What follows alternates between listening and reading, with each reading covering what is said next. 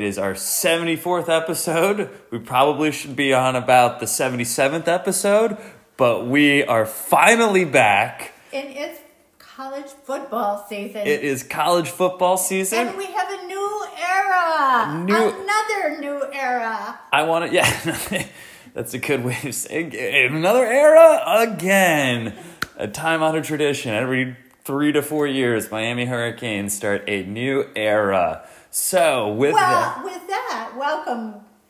Welcome, Canes fans. We are back. We are excited for our first uh, episode of the 2022 uh, Miami Hurricanes football season of Walking On with Chris Hayes, featuring Mama Hayes. As many of you know by my voice, I am Chris Hayes, and you are. I am Mama Hayes. And we get into Miami Hurricane football each week when we either um, are on schedule and do a good job of remembering to podcast, or if we just fake it and then we're off for a couple weeks and then make some excuse about something's happening. But we are back. We are excited. Uh, it's been a strange kind of start for the Miami football team over the last few years. Not only is it a new era, um, but instead of opening up with an LSU at a neutral game site or an Alabama, um, we open Or, or Florida. or Florida. Um, we have opened up with Bethune Cookman and Southern Miss uh, to get our feet under us, but we have a big game against Texas A&M in College Station coming up. So, but first, we're going to start with the new era, Mom.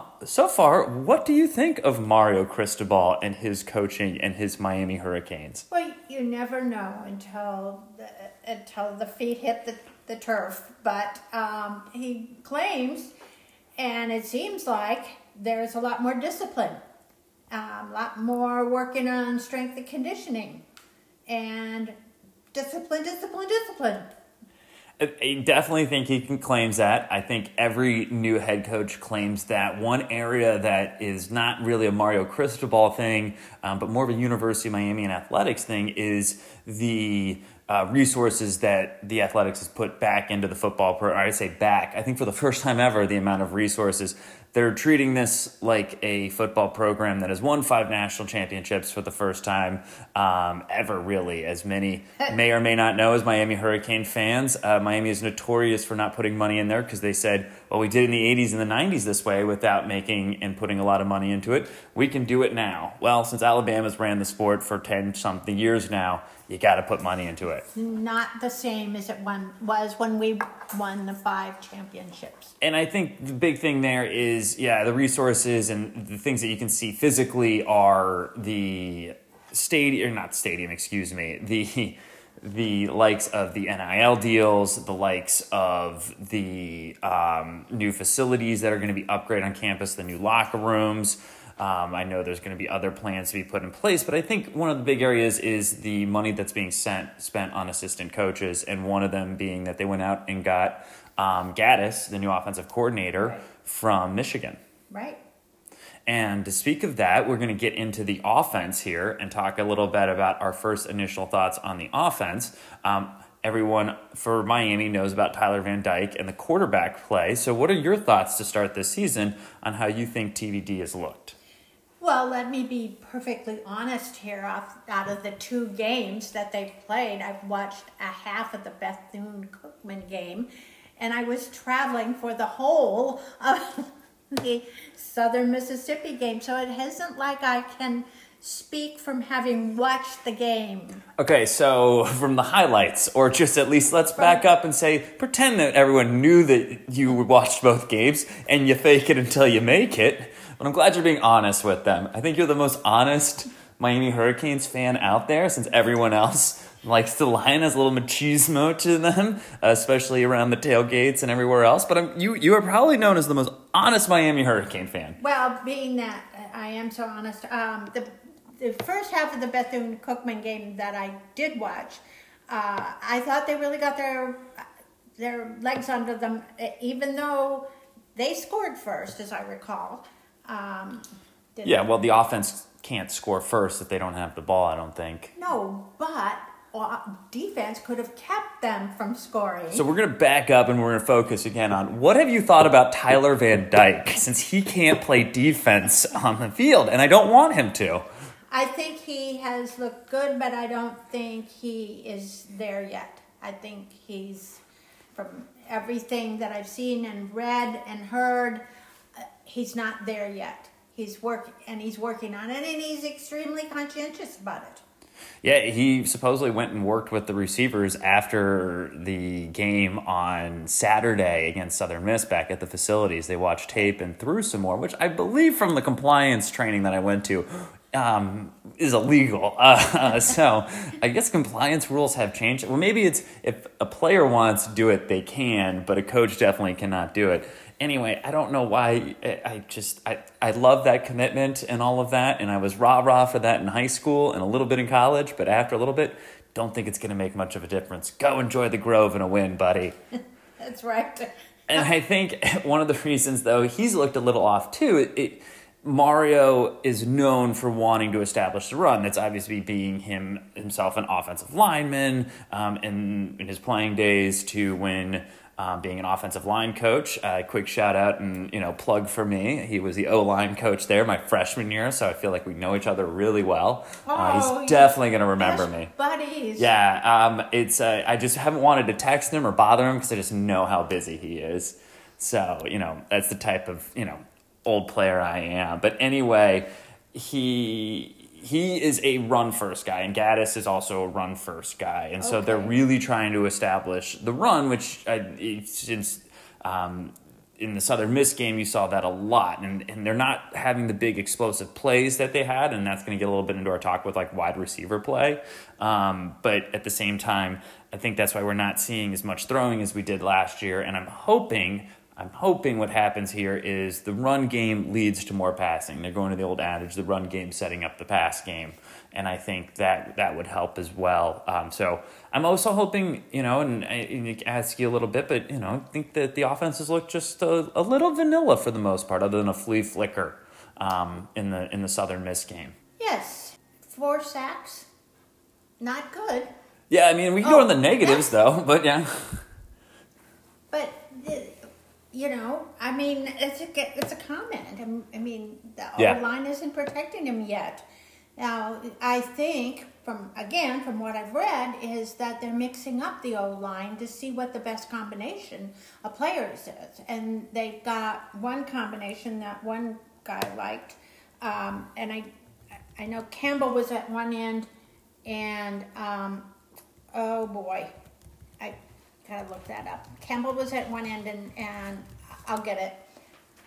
But they really thought that that was one of the best combinations of the of the game of the last game, the Southern Mississippi game. And Zion Nelson has also been out. That's um, the one I was looking for. Is what I was doing and having you keep going on. I did my research there. Um, Zion Nelson's been out and and has been limited. So hopefully again, what's nice about having these two games is guys like him and Knighton, who has also been out, Jaylan Knighton, the running back, um, and has been limited, is these guys, we didn't need them as much. So, you know, it, would be interesting to see with Zion Nelson. And one of the things that was encouraging with this staff was got sacked a bunch in the first half of the Southern Miss game, and they adjusted to being able to protect Tyler a lot better in the second half. And you obviously saw a lot more production offensively from them. But well, uh, I, it was funny in that Southern Miss game, though, because my text threads and I know Twitter and everything else, we were ready and firing everybody again.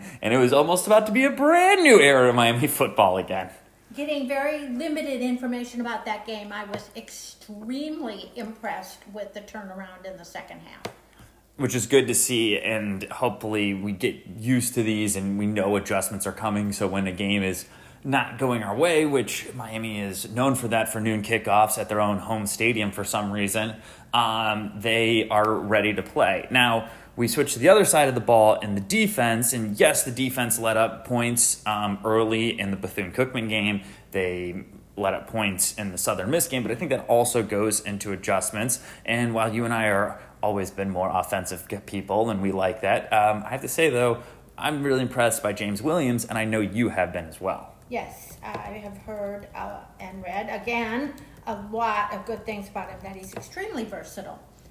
And we are looking forward to him being a replacement for Bubba Bolden. There you go. After the last few years, and I think he is kind of what I hold Bubba Bolden in. I mean, it's going to be interesting. He's six foot five. He's massive. He's a big person in the secondary. And I know they've been playing him closer to the line of scrimmage, more as a linebacker. People have said, you know, do we want him to play linebacker more because of his size? Kind of like how Allen Bailey was came in as a linebacker at six foot eight, and then you know played D tackle in the NFL by the time his like career is wrapping up now because he just kept getting bigger and bigger. Um, James Williams, you know, be interesting, but he's just so athletic where it's kind of like just let him be in the back there. I can't imagine in a passing as a quarterback seeing that guy standing back there makes things a lot easier on the passing game. So be interesting how they use him. And I know we're going to talk more about defensive players, but I at least wanted to highlight him because he's just fun to watch. Yes, yes, and he plays. Apparently, can play just about any position. I know. Maybe he'll play defensive end by the end of the year. Maybe. We'll see. So he he's just you know I think about the safeties of the past that really got me excited about Miami football and actually made you think about playing defense, where, again, we like offense in this family, is the Ed Reeds, the, the Sean Taylors, the Brandon Meriweathers, that they're just, they play that physical safety while also going and searching for the ball for interceptions. Mm-hmm. And I think he does such a great job of that. I think there's one thing, yes, you can be a safety and play downhill and play physical, but to have that nose for the ball, I mean, is really important. Coincidentally, he had an interception. He does? He did. Yeah. Yes, that's correct. So, and hopefully he has many more. We hope. So, anyway, it, it's What incentive does he have, though? There's no turnover chain. I know that's that's the last thing about the era. How do you feel about the turnover chain being gone? Great. Really? Why? Well, I, I think I think it was a great idea for the first couple of years, and then I I don't know. I, maybe it was an incentive, but I think I I- think it was. I don't think it was an incentive anymore. But I might be wrong. It probably lost some of its shine. It also was one of of those money? where, yeah, well, now the money's going to the players and the other resources, hopefully. Hopefully. Um, I think it was one of those where if you win, it's really cool. If you lose and get blown out it really looks and go stupid. 500, it's really dumb. Yes. Yes. And unfortunately, it landed on dumb by the end. Yes. So it's gone, you know, and also too, it's one of those everyone has some type of turnover one now. It's been played out. Yes. It, it, it had its time. So as we end this segment, we take a moment to honor and moment of silence. Moment of silence for the turnover chain.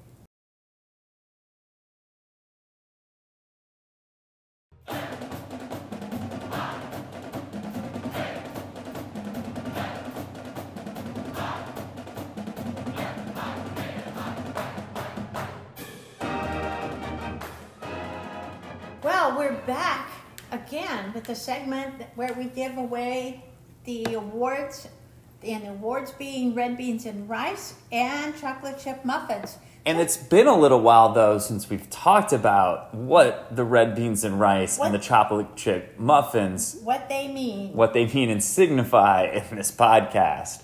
So go ahead, Mom. What are the red beans and rice? Well, the, no, let me start with the chocolate chip. The banana chocolate chip muffins, not Mm, I just mean- chocolate chip muffins, banana chocolate chip muffins. Maybe that should be a new thing we add. You've been talking about spicing things up. The turnover chain is gone. Now But- we you got to save the banana chocolate chip muffins for really special performances. Okay, well, I have been making banana chocolate chip muffins for you, Christopher, since you were 10 years old. And I continued to make them and bring them to you when you were down in Miami. Uh, you know, moms do some really goofy things for their kids when they go off to college. And that was something that, for some reason, I just kept doing. And I'm still making them today. I don't eat them really. I don't get them sent wherever I've been in the last no, eight years no. between You're- DC, New York, Delaware, and now the West Coast. But um, you know, I don't I don't get them to the same extent. But it is a nice treat to come home to. Yes, and now you have the wherewithal to make your own banana chocolate chip muffins. So I do. I, it is funny. It, and Mom's not lying on this. She would sometimes go straight to the game from Sarasota. So she would bring these down in the Miami, in the Florida heat in Sarasota, down in the car, through Alligator Alley, go to the game, come back. We would go to dinner and then drop them off for me. And she hasn't been able to put them in a fridge. So what she would do is she would freeze them, and then hopefully they would not have totally unfrozen in the packed cooler. So, but I know you probably also added a beverage or two into that cooler to help keep it cool. Yes, of course I did. Now, the red beans and rice, I don't have quite the memory of the red beans and rice that you do. But apparently, once or twice a year, I would make you a. Um, and I, So instead of coming down on the Saturday, if you came down on a Friday, you would like prep. Like this is my senior year or so when I had a kitchen because I did all this great cooking. aka mom just froze meals and then I heated them up. yes. So I did bring red beans and rice. I would make that and bring it, and you would eat on it for far longer than I would ever want to know.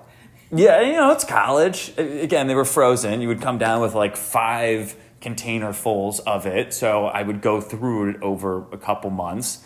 And they were really big containers, and so I wouldn't be able to eat all of them or share them with my roommates at the time. Um, sometimes they just wouldn't want it. Sometimes they would, and you know, it just they would sit in the fridge for a week or week here- and a half, two weeks, the, maybe three. I guess the truth factor here is did you ever share them with your fellow football players? Probably not because they actually got meals. Yeah, that's a different story for another time. Compliance issues and all of that, and the dirty secrets of Miami football and the glory that is not being a University of Miami walk on sometimes. Yeah. Um, but yes, the uh, the team meals that um, were were definitely taken care of. That uh, sometimes I would not be able or be privy to have to eat. I did bring some. I did bring some uh, some things down for a couple of your football friends. Yes, you were. You were great and, and gracious for that, or dinners we'd go out to, or things like that, especially especially when we were out at bowl games. But that's the story of the red beans and rice and chocolate chip muffins. We're not fully awarding them, but I guess like if there was a little buffet situation going on, who would be invited to the buffet of red beans and rice and chocolate chip muffins from the last For two the games? red beans and rice, um, I, uh, I'm giving that to Corey Flagg, and I, and you are welcome to change my mind if you choose to, because I, I don't want to belabor this, but I didn't see the games, so I'm relying on what I've read about the games and what I've heard about the games. Well, you'll know I invite James Williams. And I figured that James Williams is going to get more than his share of red beans and rice as the season goes on, which is why I did not pick him. I mean, I'm just saying, who's just invited kind of this like taster situation? Okay, well, all right, so James, Jimmy, Jimmy Williams I don't think he likes to be called that. can certainly come to the buffet. Okay. Anybody else? Are we just only having two people at this taster buffet? Well, does it include the chocolate chip muffins? Yeah, it's it's got everybody there. Uh, okay, Thaddeus Franklin. Oh, I was I was hoping he was on the list. That guy is a runner and a bruiser. Yeah, yeah, he is. And uh, but he he was my first choice. Uh, I would say Parrish. Okay. and uh, Restrepo, who We'll talk about more in a little bit. earned his place by being Van Dyke's roommate. Yep. Those are my candidates. Great. Good, strong, confident candidates right there. So next week we'll be back though and reward them, and hopefully, maybe somebody will get the first ever banana chocolate chip muffins. Okay.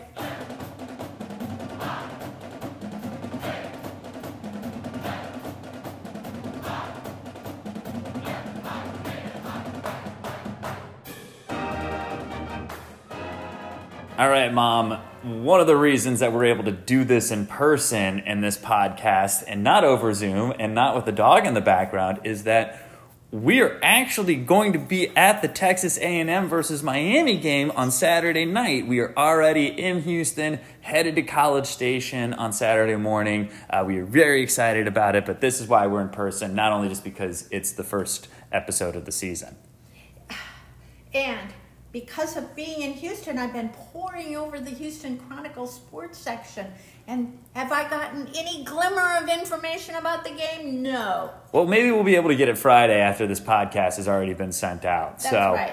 we'll see what happens. But uh, we have Texas A&M, um, who was what we were worried about of losing a bad home game to Southern Miss. It happened to them against Appalachian State last weekend at home, uh, dropping Texas A&M to an unfortunate one and one, and now me not having to convince you to get up at six a.m. so we drive over to see College Game Day uh, at seven a.m. or eight a.m. Boy, that was a blow. Yeah, that one hurts. Um, I, I'm guessing Jimbo Fisher was. Uh, not happy about that. I don't think he was too happy about it. And so Miami comes in. Uh, they're still uh, the underdogs in this. They're not favored. Texas A&M is favored over uh, Miami right now, and which surprises me a little bit as Miami's the higher ranked team.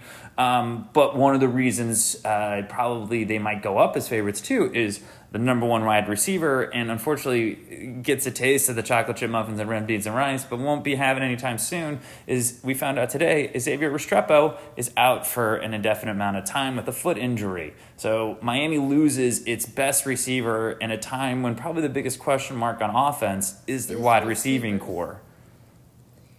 Yeah, that that has been a big disappointment. But you know, over the course of the week Miami has been the favored, the unfavored, the favored, the unfavored. So we still have a couple days. Yes, I, am hoping Keyshawn Smith um, comes into his own. I've always liked that guy. He's just got a good size to him. Um, I'm, I'm hoping that you know we don't have to rely on the wide receivers. I hope the running game goes the way that they want with Knighton coming back into the lineup. Um, we already talked about uh, Franklin being the great running back. And we'll see if Henry Parrish has a, a big game for them. And I hope he does, and I hope that running game plays well. I, one of the things that happened in the App State game that I think Miami and the way that they've been running the ball and really trying to control the game is Appalachian State had the ball for close to over 40 minutes. It was ridiculous. And like A&M had it for obviously 18, 19 minutes. And I, obviously, if you do that, you got a good chance to win. So I'm hoping, you know, I don't think we're going to see a 45 to 42 game. I think we might be seeing, especially the way that Texas A&M played, and we'll get into their offensive struggles here in a second. We're going to see a closer 20 to 17 game. Right. As I was perusing the Houston Chronicle, I didn't find a whole lot but I did find a couple commentaries, particularly one that was very pointed in asking him if he could, if he, if Jimbo, that is. Jimbo, if Jimbo Fisher could um, could give up his ego, give up enough of his ego to give up the play calling. How'd that go? How'd that? Is that reporter still alive? I don't know whether he is. Well, he was alive enough to write the article. Okay. But um, I, it, he said, I believe Jimbo Fisher said something about. Well, he does share with the co-defense, co-offensive coordinators. Okay, so just let me put that together. That's three people, three people who are in on the offensive play calls what Jimbo's trying to say there is, uh, I'm still in charge. He's just yeah. trying to say that to say that so the press gets off of him a little bit. And guess who he can fire at the end of the year if the offense doesn't look good? He's got two people. Get two can... people. Get right out of there, but Jimbo's going to stay. Also, he's got a huge contract that they gave him. Oh, wow, yes. So he's not going anywhere for a little while. And I was very impressed with how the App State offense manage the ball and manage their time to keep A&M's defense on the field and exhaust them.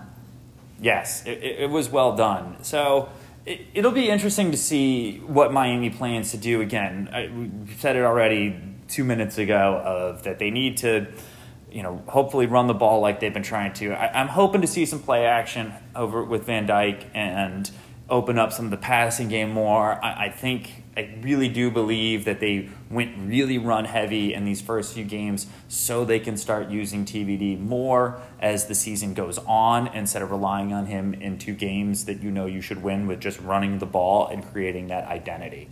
Now, the big question marks while we lose Restrepo is actually the Texas A&M quarterback situation. Yes, and boy, are they being, well, they being Jimbo Fisher, being silent on that.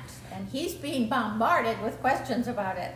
It does not surprise me that uh, Aggie fans are all over that right now. Um, and it'll be interesting to see. I don't, I, I don't think we're going to see um, Haynes King, the starting quarterback, that went, I think, 13 for 20 and really struggled. Um, Max Johnson, the transfer from, I believe, LSU. LSU, yeah. Um, I also think we're going to see some gadget plays with the five star recruit freshman Conner Weigman.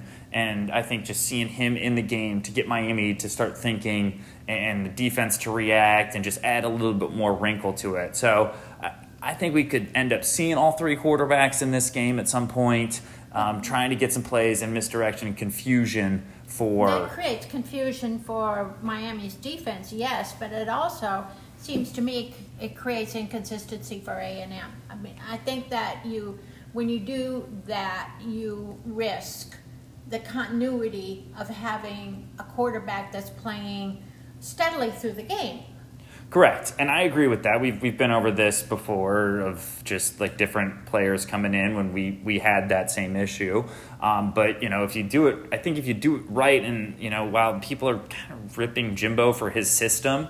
Um, and saying that it's outdated, I still think Jimbo plans really well when he has to. I think he just got trapped in a game where he didn't plan as well as he should have, or had better options available for him as the game went on. He didn't expect he didn't expect the competition that he got. And when your starting quarterback has a bad game and you don't make the switch early enough, um, it, it leads to, to issues. But I, I think we're going to see um, a, a different. I think Max Johnson will be a, a big part of the game. I, I think we see Max Johnson to start because it's just, if anything, it's going to get the crowd excited and energized there. They're going to be really excited about it.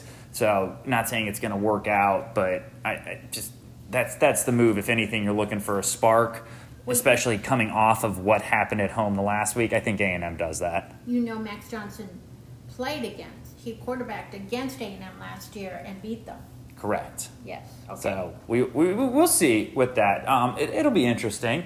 Um, you know, we're we're like I said, we're headed to College Station. It's going to be an interesting experience. Uh, we're not going to the midnight yell, uh, which is too bad. I imagine if uh, for those that are up to date on the social media verse and in the sports Twitter, I've seen some of those midnight yells that are a little strange and um, kind of uh, they go after teams and all of that uh, in ways that are a little corny. Um, also interesting to see how they uh, talk about Miami players and Miami teams because I think College Station's a little bit different than Miami and their views on it. So we'll see what happens with that. So check. you think there's a cultural divide between A and M? You know, I'm skirting around it, but yeah, I think that's how you would call it. So that's a good way of putting it. So keep your eyes out for those on Saturday morning, or if after the game something happens. I, I imagine um, those will be those will be interesting. If you haven't either, uh, check out the ones. Look up the ones from the uh, App State game Friday because it's one of those. You better like the turnover chain. It's cool if you win. Well, I don't know if it's cool. It's better if you win. It looks really bad if you don't. Obviously, we're going to see what happens because we're going to see it in person. yeah, standing up. A lot of the game, most likely. So that's going to be good with your hip. I bet you're excited. Oh yeah, I can hardly wait. Um, so if you're in town and you see us, give us a shout, I guess. Um, Sure. All 20 of you that listen, we appreciate it. Uh, but we're looking forward to, obviously, uh, probably uh, a, good chance to win this game. Um, a an opponent that's struggling, you know. But Jimbo also has a great record against Miami. I know that this is not Seven- any. seven and zero. Yeah, exactly. I, That- that's he's a great. very That's- good record against Miami. great record. And I know that was Randy Shannon. I know that was Al Golden. I believe Mark Richt was in there. So I know that's about eight eras ago at this point, um, in the way that Miami works and how we talked about at the beginning. So we'll see what happens here. Um, but to, interesting fact is this is only the fourth time Miami and Texas A&M have played each other. Yes, and one of them was the year I was born. And the other two, I You was were at the school. I was at the school. We played them. Um, so it's it's uh, of of the f- four times Miami and Texas A&M have played each other. I will have been at three of them. Well, I guess I wasn't at. Uh, that's a lie. I wasn't at the College Station one in 2008. Oh darn! But I was associated with the program, so I'll count it. Anywho, this gets us into our last part of the podcast. As you know, we make predictions on what happens here. Mom, who do you have winning this game? I gotta say Miami. Wow, what's the score? Uh, let's say 28 24. Wow, okay, a little bit more higher scoring than we're talking about. I have to say, and I know Canes fans will be mad at me, I don't like the news about Restrepo being out. Um, I don't like Jimbo's record against this. It's 7 and 0. It's really good.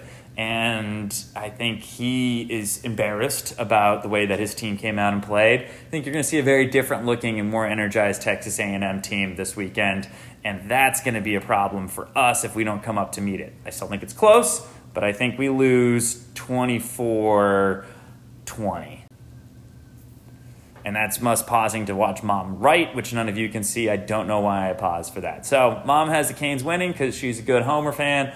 I have the Canes losing because I'm a terrible fan and I want to see another era, I guess. I'm ever optimistic. Always, and that's what we love about you. Always optimistic, the most optimistic and the nicest Canes fan in the world. Yeah, right. So we will break this down, get you good folks out of here and hopefully see some people at the A and M game. Say hello to us if you yeah. think you know who we are. Good luck, East Coasters, with that 9 p.m. start. Here we go. Uh, C A N E S Canes. This has been another episode of Walking On with Chris Hayes featuring Mama Hayes. Thanks for joining us. Mama Hayes, get us out of here. Go, Canes!